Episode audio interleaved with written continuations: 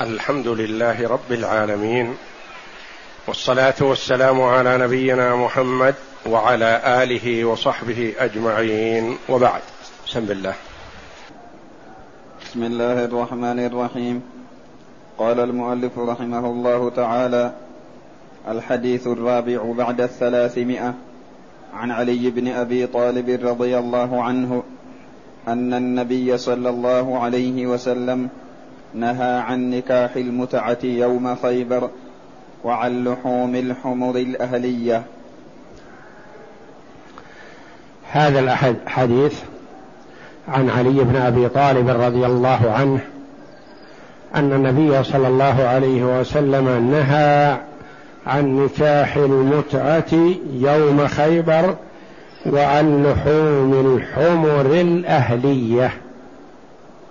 هذا الحديث في الصحيحين وفي صحيح البخاري بألفاظ متعددة وعن عدد من الصحابة رضي الله عنهم كما أنه مروي في السنن. فهذا في باب النكاح. يقول الإمام علي رضي الله عنه نهى رسول الله صلى الله عليه وسلم عن نكاح المتعة. نكاح المتعة كان موجودا في الجاهلية وفي صدر الإسلام. كان الرجل يتفق مع المرأة على أنه يستمتع بها يوما أو يومين أو ثلاثة أو أكثر. فيباح له ذلك فإذا انتهت المدة تفرقا بدون طلاق. وهذا كان موجود في الجاهلية وزوجات الجاهلية متعددة ومتنوعة ووجد في أول الإسلام ثم حرم. وهو مما ينبغي تحريمه. كما هو الحال في بعض المحرمات كانت موجودة في الجاهلية فكان تحريمها تدريجيا لأن الله جل وعلا المشرع حكيم عليم.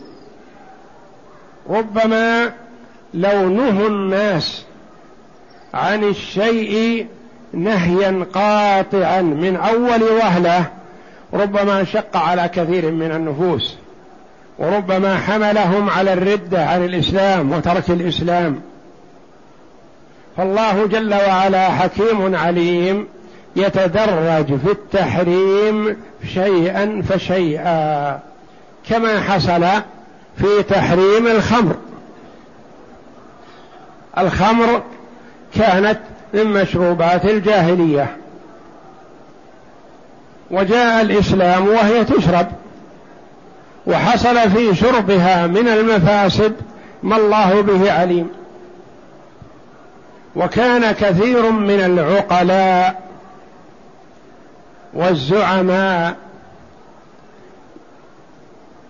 لا يألفون الخمر ولا يريدونها وكرهوها بعقولهم قبل أن يشرع تحريمها. وكان عمر بن الخطاب رضي الله عنه يقول بين حين وآخر اللهم بين لنا في الخمر بيانا شافيا. يرى أن حلها فيه مقت وفيه خزي وفيه عذاب وفيه آذى من بعض المسلمين لبعض. فيقول اللهم بين لنا في الخمر بيانا شافيا. فأنزل الله جل وعلا يسألونك عن الخمر والميسر قل فيهما إثم كبير ومنافع للناس وإثمهما أكبر من نفعهما فانتهى بعض الناس بهذه الآية. فقال عمر اللهم بين لنا في الخمر بيانا شافيا. فأنزل الله تعالى يا أيها الذين آمنوا لا تقربوا الصلاة وأنتم سكارى حتى تعلموا ما تقولون ولا جنبا إلا عابري سبيل حتى تغتسلوا الآية. فدعا رسول الله صلى الله عليه وسلم عمر فقرأها عليه فقال اللهم بين لنا في الخمر بيانا شافيا. ما يكفي هذا. فنهوا عن شرب الخمر من بعد صلاة الظهر إلى العصر لأن العصر قريبة. ونهوا عن شرب الخمر من بعد العصر إلى المغرب لأن صلاة المغرب قريبة. ونهوا عن شرب الخمر من بعد المغرب إلى العشاء لأن صلاة العشاء قريبة. وما بقي إلا وقتان فقط لشرب الخمر. هو من بعد صلاة العشاء إلى آخر الليل ومن بعد صلاة الفجر إلى ما قبل الظهر. حيث أن الوقت فيه متسع ممكن يشرب ويصحو قبل أن يدركه وقت الصلاة. فحصل أن اجتمع عدد من الصحابة رضي الله عنهم في ليلة من الليالي فشربوا الخمر حتى ثمنوا سكروا فضرب بعضهم بعض وشج بعضهم بعضا وبدأ بعضهم يفتخر ونبشوا عن أمور مندرسه وذاهبه ومنسيه أحيوها بسبب السكر. فأنزل الله جل وعلا يا أيها الذين آمنوا إنما الخمر والميسر والأنصاب والأزلام رجس من عمل الشيطان فاجتنبوه لعلكم تفلحون. إنما يريد الشيطان أن يوقع بينكم العداوة والبغضاء في الخمر والميسر ويصدكم عن ذكر الله وعن الصلاة فهل أنتم منتهون؟ فقال عمر رضي الله عنه انتهينا انتهينا يكفي هذا الذي نريده.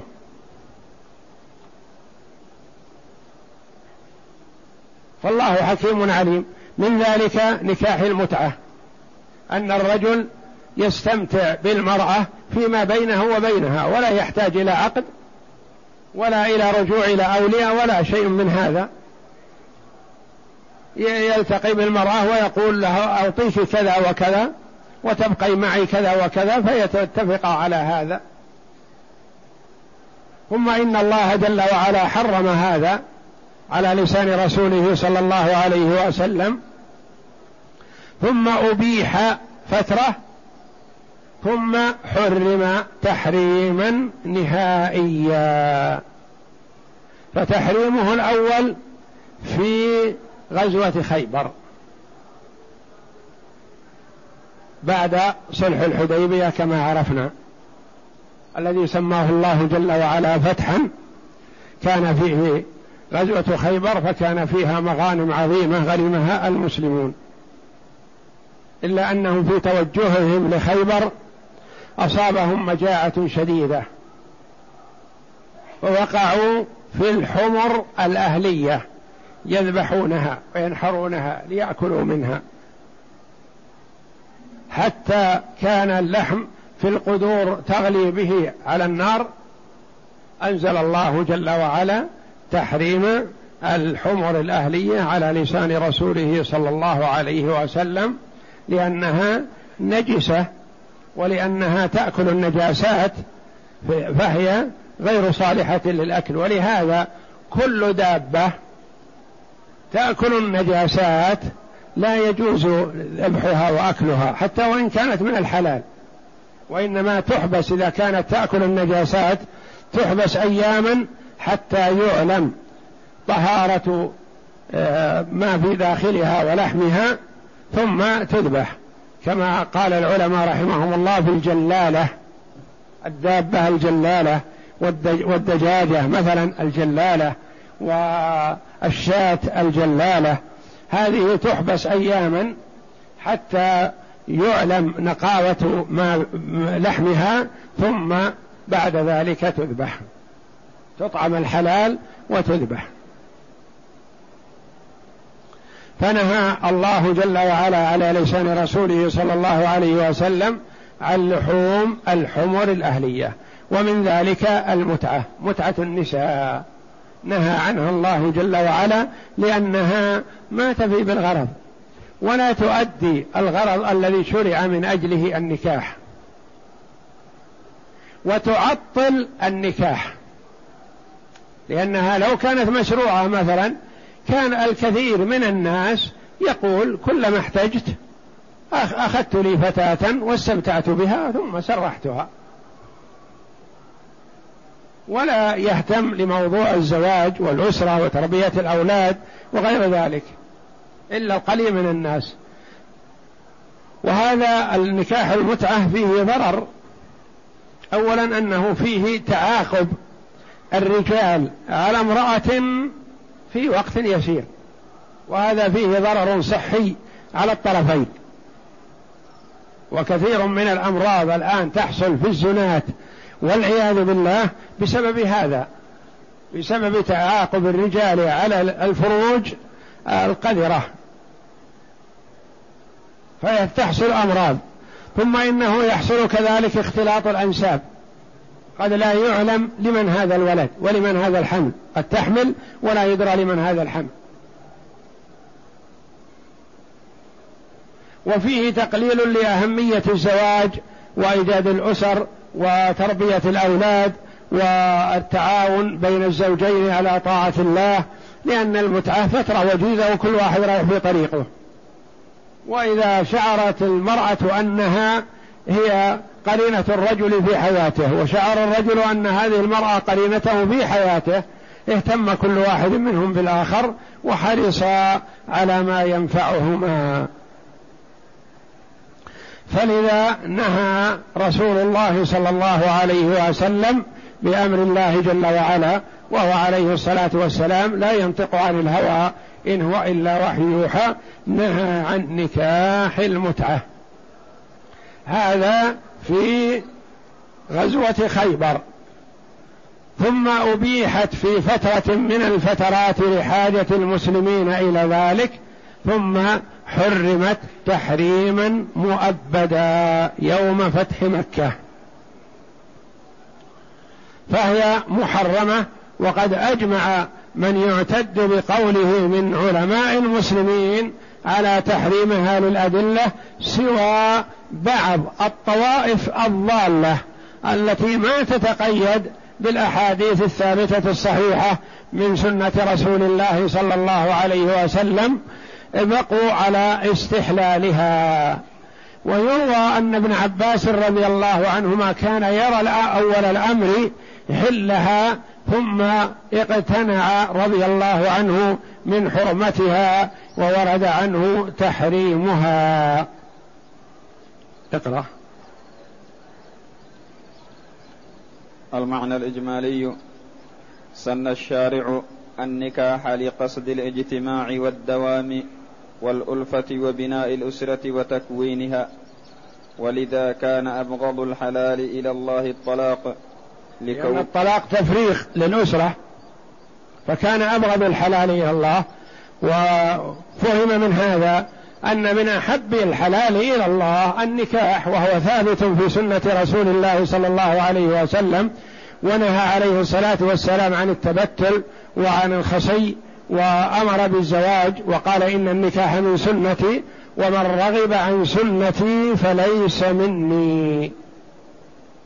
نعم. لكونه هدما لهذا البناء الشريف وكل قصد أو شرط يخالف هذه الحكمة من النكاح فهو باطل.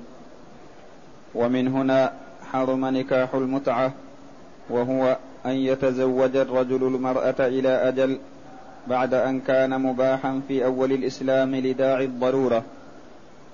ولكن ومن الضرورة تعود الناس على هذا. نعم. ولكن ما في هذا النكاح من من المفاسد من اختلاط في الأنساب واستئجار للفروج ومجافاة للذوق السليم والطبيعة المستقيمة. هذه المفاسد ربت على ما فيه من لذة قضاء الشهوة. لأن ذاك الذي هو المتعة ما فيه إلا قضاء الشهوة فقط. ولا يترتب عليه أي مصلحة من المصالح. والنكاح فيه مصالح عظيمة وفي إباحة المتعة تعطيل لمصالح النكاح. نعم. ما يؤخذ من الحديث اولا تحريم نكاح المتعة وبطلانه وعليه أجمع العلماء. قال ابن دقيق العيد رحمه الله وفقهاء الأمصار كلهم على المنع وأكثر الفقهاء على الاقتصار في التحريم على العقد المؤقت. ثانيا كان مباحا في أول الإسلام لضرورة فقط ثم جاء التأكيد والتأبيد لتحريمه ولو عند الضرورة. ثالثا نهى الشارع الحكيم عنه لما يترتب عليه من المفاسد منها اختلاط الأنساب واستباحة الفروج بغير نكاح صحيح. رابعا النهي عن أكل لحوم الحمر الأهلية فهي رجس بخلاف الحمر الوحشية فهي حلال بالإجماع. الحمر الأهلية التي هي مستأنسة عند الناس وموجودة في البلد والحمار الوحشي الذي هو من نوع الظبا والصيد. فالحمار الوحشي حلال بالإجماع والحمار الإنسي حرام بالإجماع. والحمار الوحشي من نوع الغزلان والظبا والظباع وغيرها مما أحل الله جل وعلا لأن تلك لا تأكل القاذورات ولا تأكل إلا الحشائش وما يطيب بخلاف الحمر الأهلية فهي تأكل الأوساخ والقاذورات والنجاسات. نعم. فائدة. سئل شيخ الإسلام ابن تيمية رحمه الله تعالى عن رجل يسير في البلاد ويخاف أن يقع في المعصية فهل له أن يتزوج في مدة إقامته في تلك البلدة؟ فإذا سافر طلق من تزويج من تزوجها من تزوجها.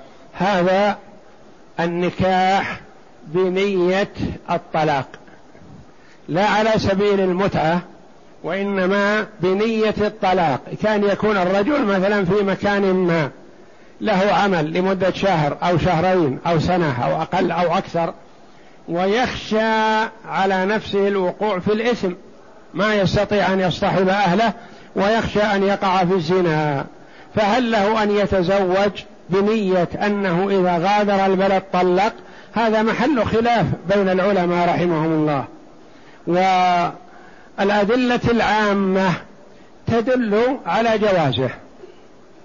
لكن بالنظر إلى ما يترتب عليه من الأضرار والمشاكل يرى كثير من العلماء أنه يمنع منه حتى وإن لم يكن محرما لكن لما يترتب عليه. لأن من يفعل هذا قد يوجد له أولاد في بلاد لا يدري عنهم. مثلا هو في مكان ما بعيد تزوج ثلاثة أشهر خمسة أشهر أقام في البلد. من المعلوم أنه عزم على الرحيل رحل. حينما رحل ربما إذا ركب في الطائرة أو ركب في القطار أو في السيارة كتب وثيقة الطلاق وسافر. هل يدري عن هذه المرأة هل هي حامل أو ليست بحامل؟ هل ولدت له أو لم تلد له؟ فيه مشاكل. ثانيا أن الرجل إذا كان خاطب على نية الطلاق لو أخبر أهل المرأة أو أخبر المرأة بهذا ما يقدم عليه ولا يوافق عليه أحد. يقول بتزوج بنتكم فإذا أردت السفر ترى بطلق يقول الله. لا نريدك. تستمتع بها فقط. متعة. المتعة حرام. فمن حيث العقد من حيث هو قال كثير من العلماء بصحة العقد. لأنه حتى لو كان الرجل ينوي الطلاق قد لا يطلق. وقد يتزوج الرجل بغير نية الطلاق ولا يفكر في الطلاق ثم بعد شهر أو شهرين أو أسبوع أو أسبوعين أو أقل أو أكثر يطلق. يطيب خاطره من هذه المرأة ويطلقها. فالزواج بنية الطلاق من حيث أنه مثلا غير ملزم بالطلاق أنها قد تبقى معه الزوجة ويكون النكاح صحيحا. لكن لما يترتب عليه من المشاكل والضرر والإضرار بالمرأة لأنها قد تقدم على الزواج بهذا الرجل لأنه شاب صالح وتريد الحياة السعيدة معه وكذا فإذا به في في قلبه وصدره أنه لا ينوي الاستمرار معها. وأن وأنها لو علمت هذا ما أقدمت عليه لأنها ما تريد أن تكون في كل شهر أو في كل سنة بذمة زوج. فيكون في نوع من الغش للزوجة وذويها إذا تزوج بنية أنه عازم على الطلاق. والأصل من حيث هو الإباحة والحمد لله.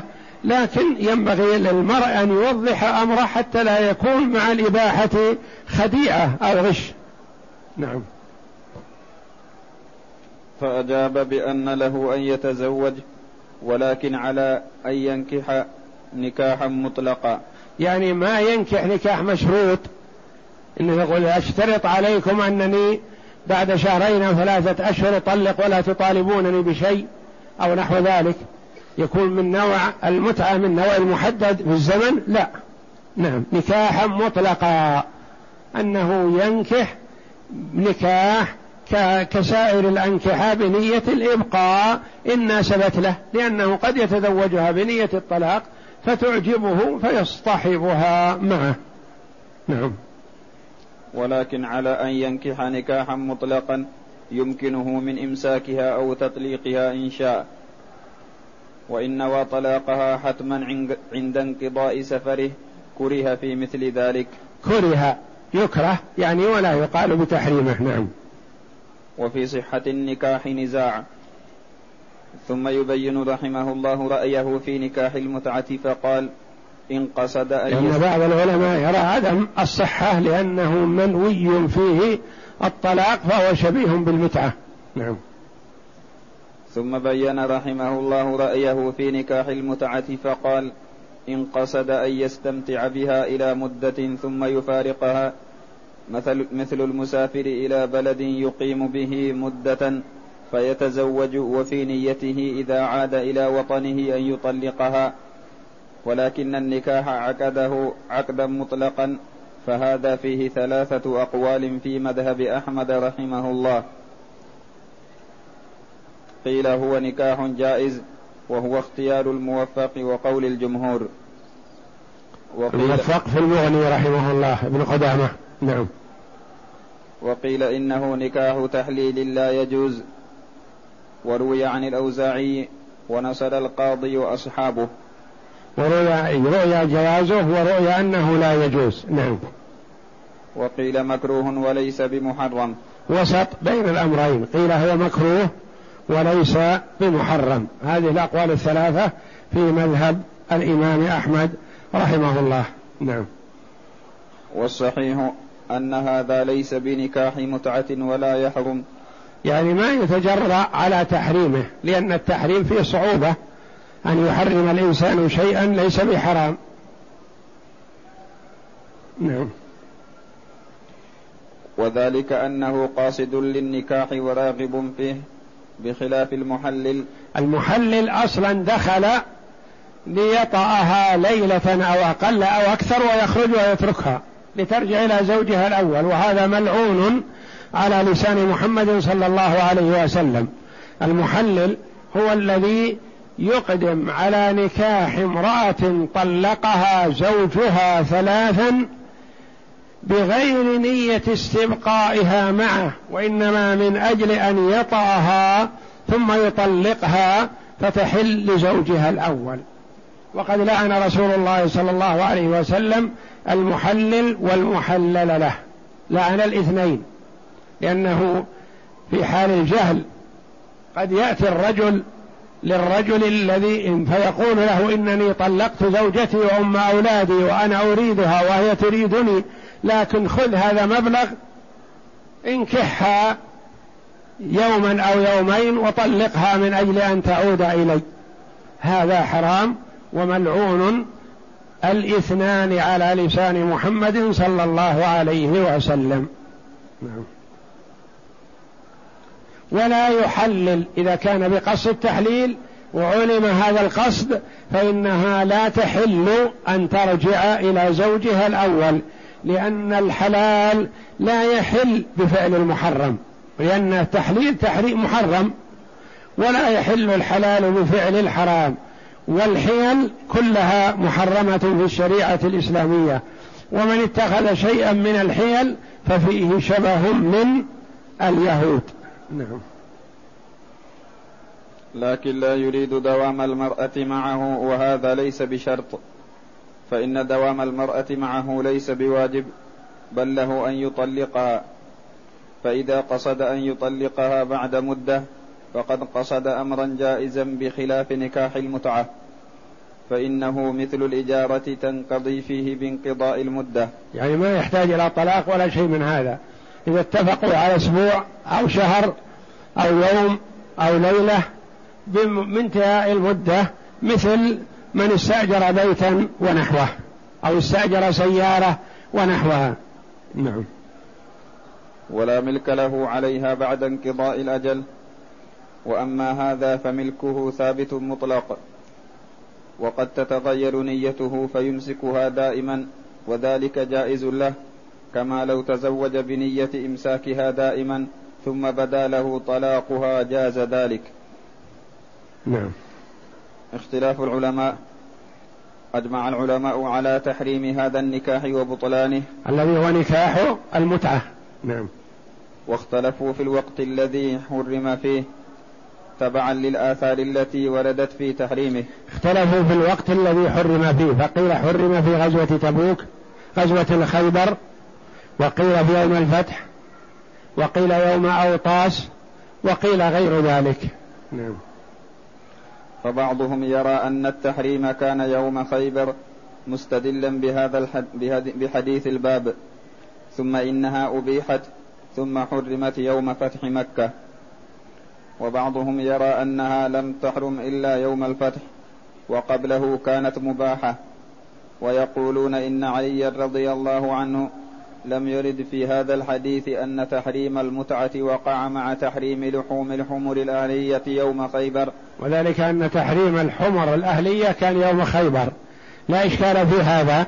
فقالوا إن علي رضي الله عنه في هذا الحديث ما قصد أنهما حرما يوم خيبر وإنما قصد أن يبين الحكم.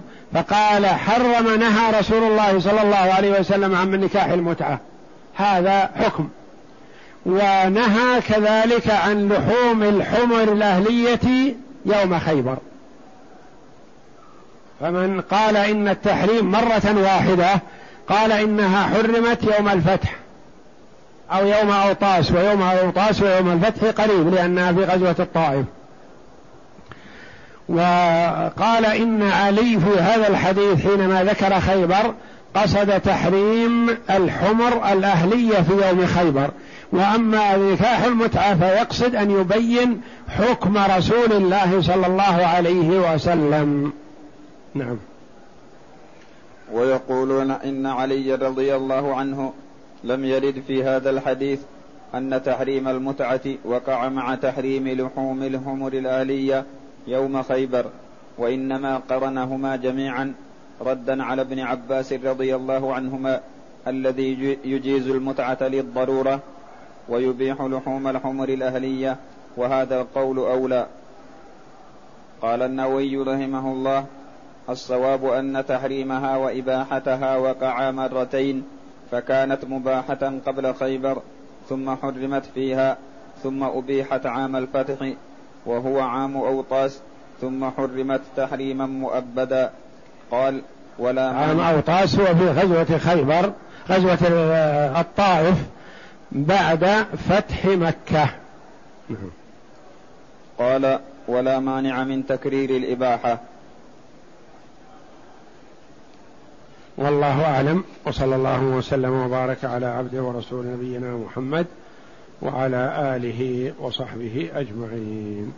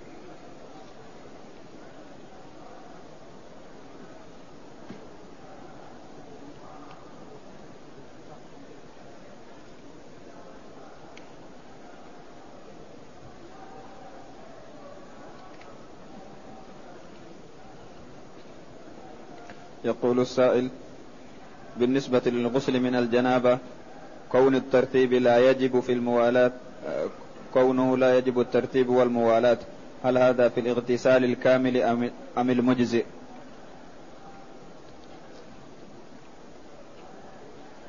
الترتيب والموالاة واجبان من واجبات الوضوء.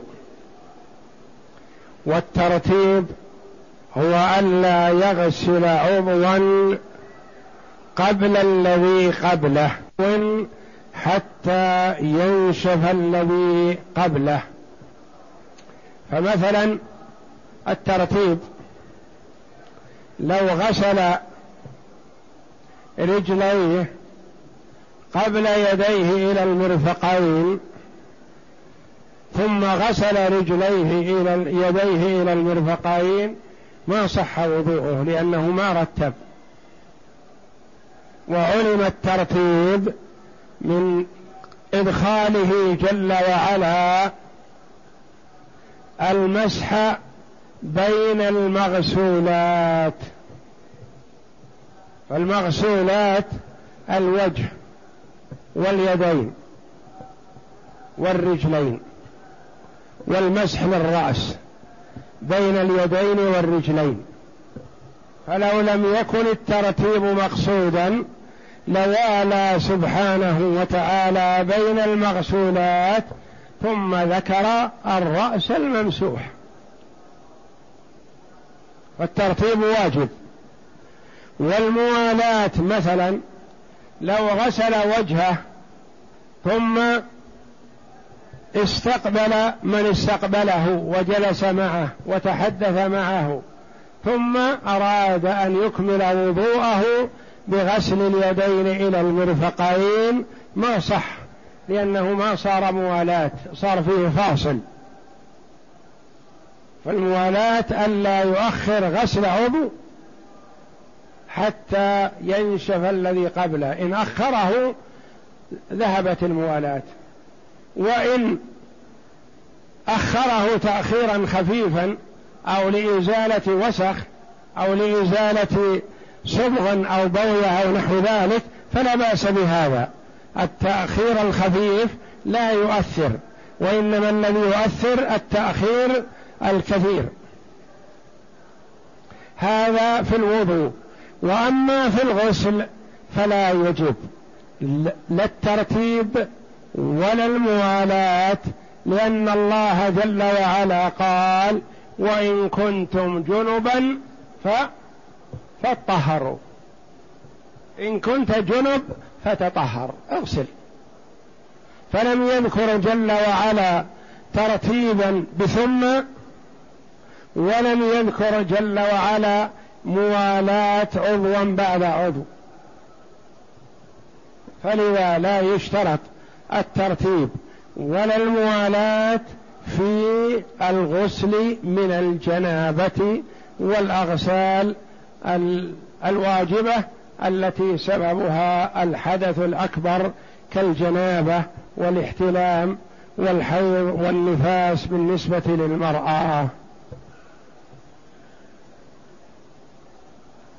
وسواء كان الغسل المجزي أو الغسل الكامل كله لا يلزم فيه ترتيب ولا موالاه وإنما الغسل الكامل فيه الترتيب استحبابا لا وجوبا.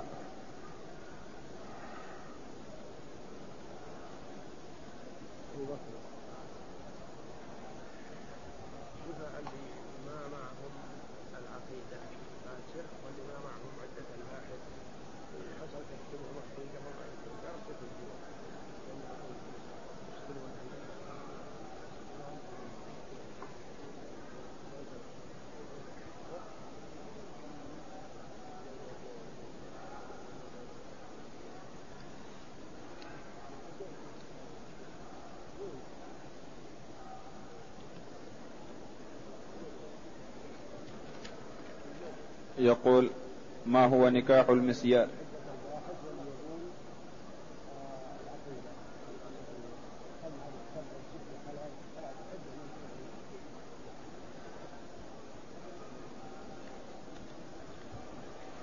يقول ما هو نكاح؟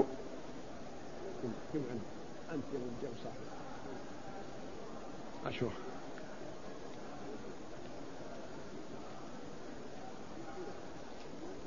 وين أنا على أعطيتك أكبر من ذي.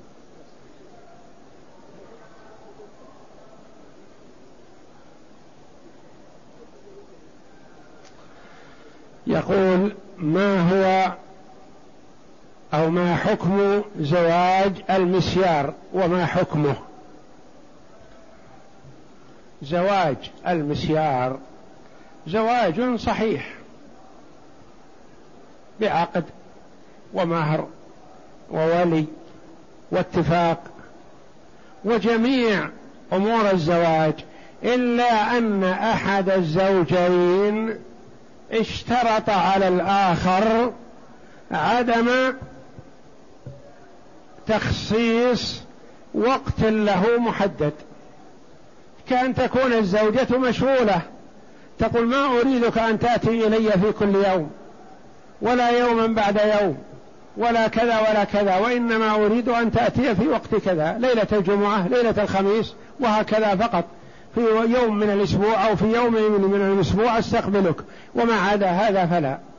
أو يقول الرجل للزوجة إنه لا يتمكن من الإتيان لها والقسم لها مع لها مع زوجاته أو نحو ذلك كأن يكون عنده شيء من الخوف أو الضعف أمام زوجته أو زوجاته فيريد أن يجحدها ويأتيها في الخفاء عن أهله وهذا لا يليق بالرجل لأن النبي صلى الله عليه وسلم كان يقسم لتسع نسوة. والصحابة رضي الله عنهم الكثير منهم مات عن أربع نسوة رضي الله عنهم وأرضاهم.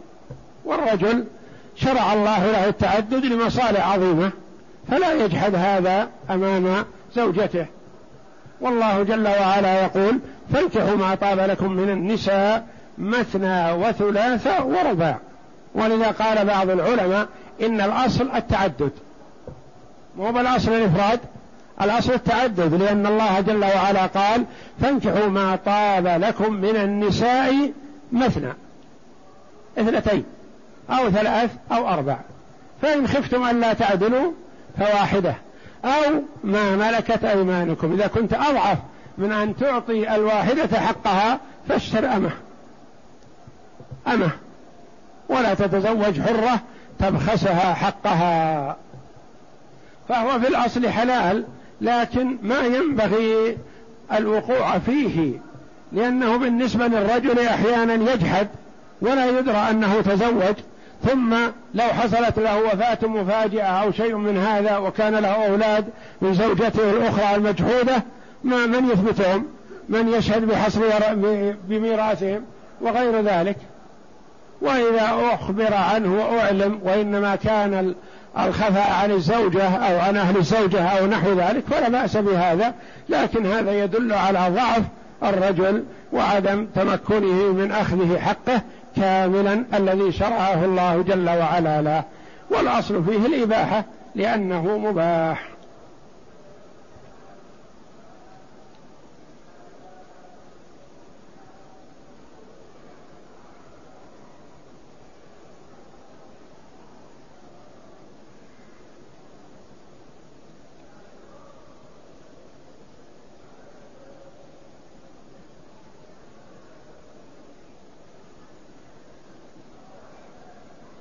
يقول السائل أرى بعض الطائفين يطوفون بإزار بدون رداء فما حكم ذلك؟ وهل يكفي الإزار دون الرداء أو يلزم الرداء مع الإزار للطائفين؟ الطواف لا يخلو. إن كان طواف تطوع بعد طوافه طواف الفرض الذي هو الركن من أركان العمرة فيكفي فيه الإزار فقط. وأما إذا كان الطواف الذي هو ركن من أركان العمرة أو ركن من أركان الحج فهو قياسا على الصلاة أنه يلزم أن يكون على عاتقه منه شيء ولو شيء يسير. والواجب ستر العورة وفي الوا وفي الفرض يستر أحد عاتقيه ولو بشيء يسير.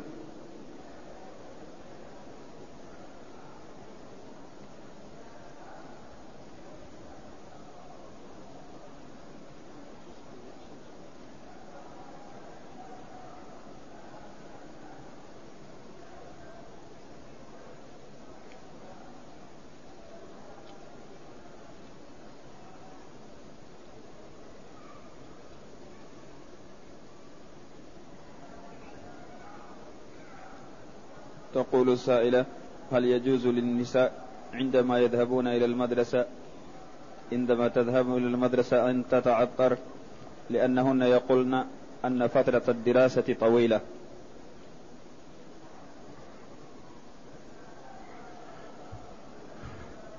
المرأة يحرم عليها مس الطيب عند الخروج من المنزل.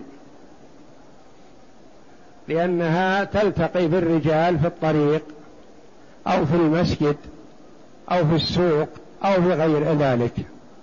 وأما في المدرسة إذا كانت تطيبها مثلا بعد دخول المدرسة وليس عندها رجال أجانب ويذهب أثر الطيب قبل خروجها من المدرسة فالذي يظهر والله أعلم أنه لا بأس بهذا لأنه ما يحرم عليها الطيب مطلقا وإنما يحرم عليها الطيب عند ملاقاتها للرجال الأجانب.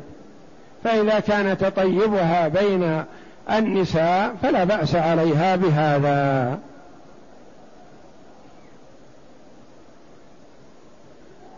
ويقول عندنا أناس إذا مات أحدهم اجتمعوا على الميت ويقرؤون من القرآن في البيت وعندما يصلون إلى المقبرة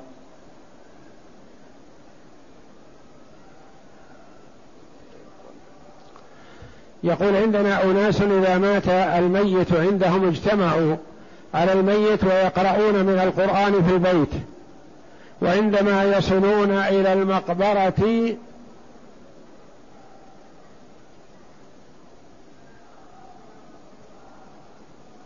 يعني كمل ولا كمل.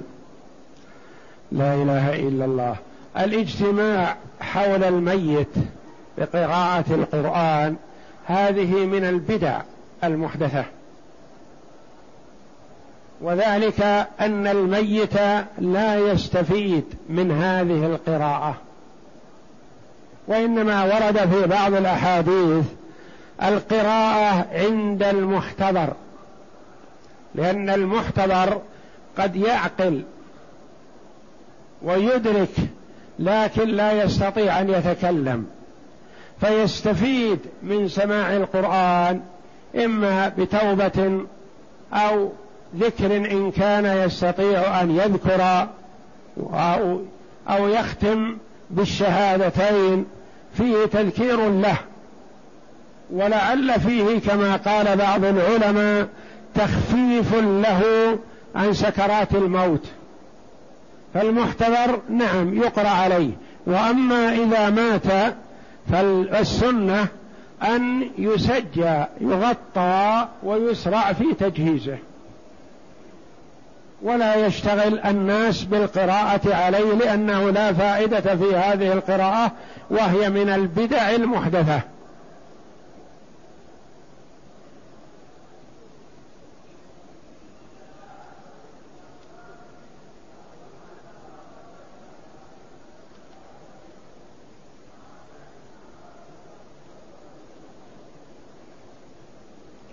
يقول قمت بالحج عن نفسي وفي العام التالي قمت بالحج عن أمي وأريد أن أحج مرة أخرى وأهدي ثوابها لأمي فهل يجوز ذلك أم أن هذا من الابتداع في الدين؟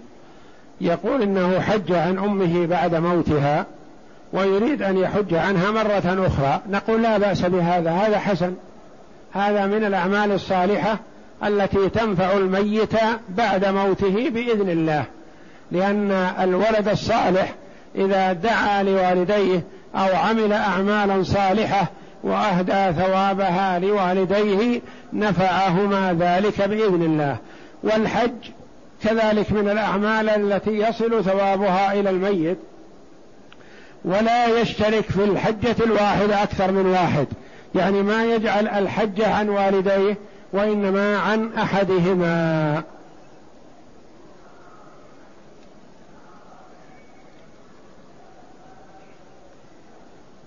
يقول لو حصل الطواف بإزار دون رداء في الطواف الواجب فهل يكفي أم يعيد الطواف بإزار ورداء؟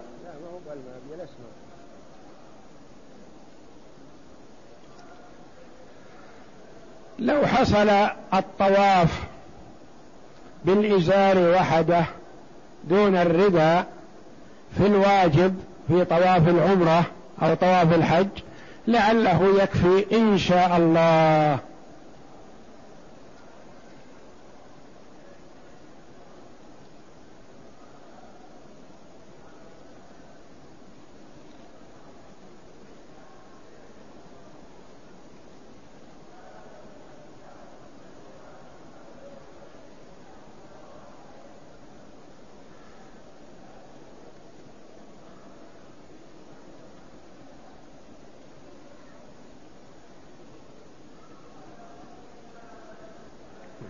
يقول هل يجوز الزواج العرفي بأن يعقد على المرأة وتجلس في بيت أمها وهو في بيته ويتم الزيارة بينهما؟ الزواج العرفي أو زواج المسيار هذه أسمى لشيء واحد وإنما في كل بلد أو كل جهة سموه باسم فهو الزواج الذي يشترط الزوج على الزوجة بأنه لا قسم لها كامل مع زوجته أو زوجاته أو تشترط الزوجة على زوجها أنها لا تريده ولا تستقبله في كل يوم وإنما تريد في أوقات محددة. كأن تكون المرأة مشغولة بعمل ما ولا تريد الزوج أن يأتيها في كل وقت وإنما تريد في وقت دون وقت.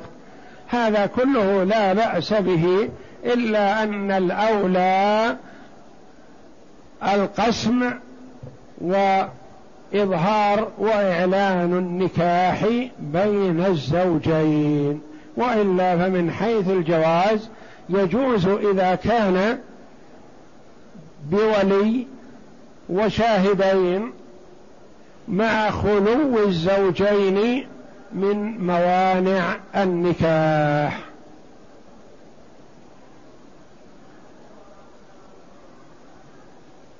هذا جبنا عليه أمس ردده ما يصلح.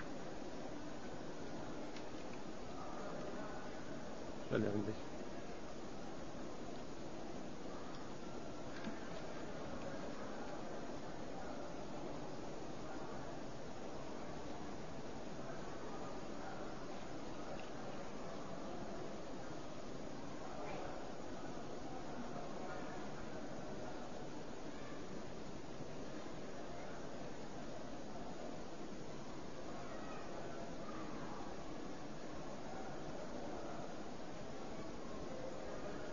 الذي يدعى فيه طلاق الزوج لزوجته من سنوات والزوج يقول أنت طالق والزوجة لا توافق. على هذا هؤلاء عليهم الرجوع للمحكمة لإثبات الواقع والحقيقة.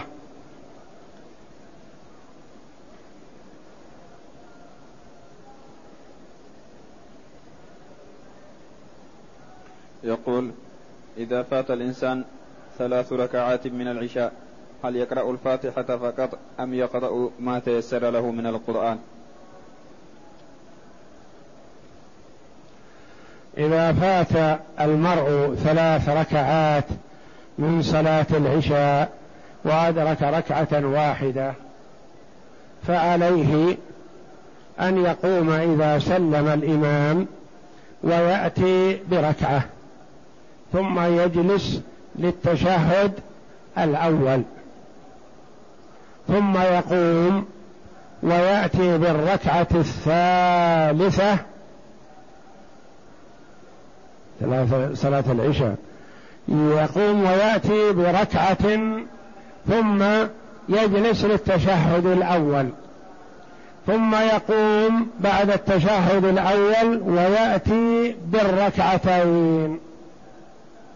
ثم من حيث الجهر والإسرار وقراءة الفاتحة مع سورة أو قراءة الفاتحة فقط هذا محل خلاف بين العلماء رحمهم الله.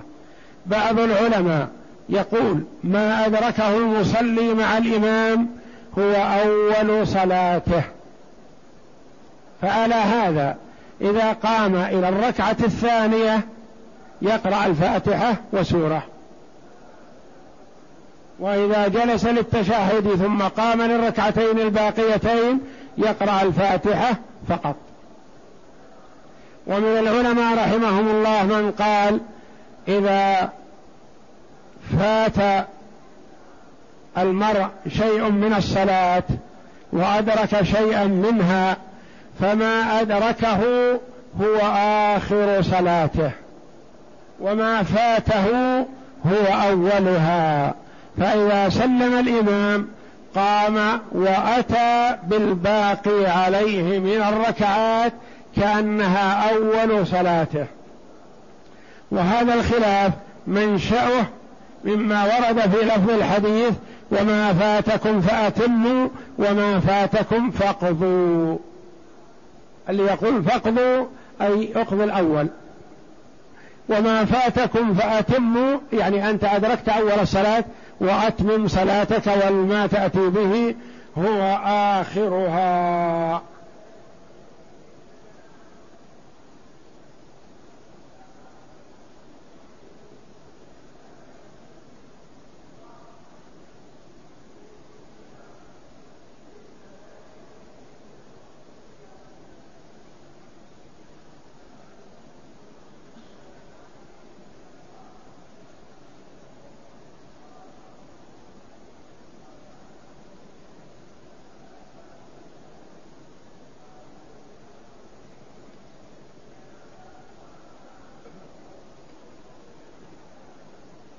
يقول إنه دخل الزوجة وما أدرك بكارتها. والآن يفكر في الأمر هل يطلق أو لا؟ لا يا أخي ما يجوز لك هذا. أدركت أو ما أدركت هي زوجتك. هي زوجتك ولا ينبغي لك التشكك في هذا. هي زوجتك وما دمت تزوجتها وهي بكر فهي بكر سواء رأيت أو لم ترى. لأن بعض النساء قد لا يخرج دم لبكارتها وبعض النساء يخرج دم كثير وبعض النساء يخرج حمرة أو صفرة فقط دون لا شيء يرى إلا يسير. وما ينبغي للمسلم أن يكون عنده وسوسة أو شك أو ارتياب في زوجته ما دام أنه يرى عليها الاستقامة فلا يجعل للشيطان عليه سبيل في الشك في زوجته. إن كان يرى منها اشيا تريبه فعليه أن يهتم بحفظها. ويحتاط لنفسه ولزوجته ولفراشه لكن لا يشكك. ولا يخبرها بشكه هذا فتسوء العشرة بينهما.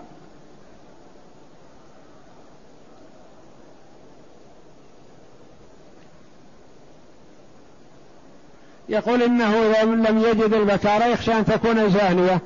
والله جل وعلا يقول الزانية لا ينكحها إلا زان أو مشرك. لا يا أخي ما هو هذا. ما ينبغي للمسلم أن يكون إلى هذا الحد.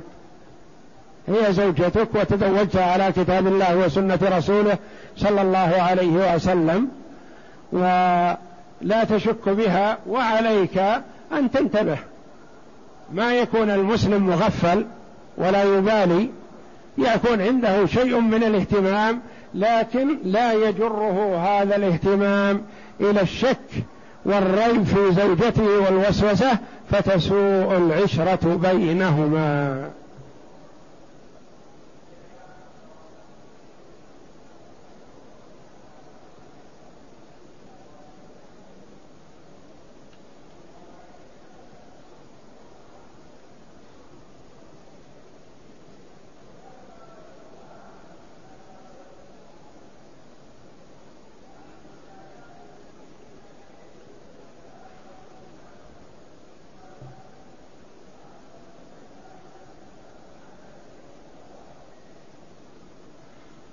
ما الذي ينبغي للمكلف أن يفعله أمام اختلاف عالمين في مسألة من مسائل العلم عليه إذا لم يكن مستطيعا للرجوع إلى كتاب الله وسنة رسوله صلى الله عليه وسلم يأخذ بأوث بقول أوثقهما عنده.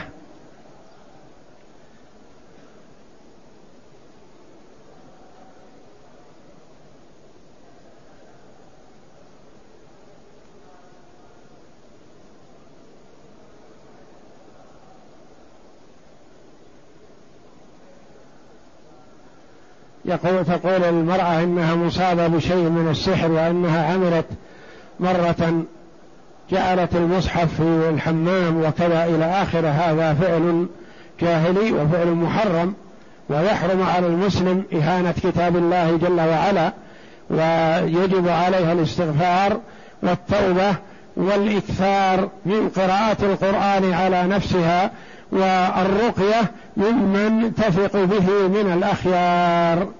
والتوبة عما حصل منها والله جل وعلا يتوب على من تاب. والله أعلم. وصلى الله وسلم وبارك على عبد ورسول نبينا محمد وعلى آله وصحبه أجمعين.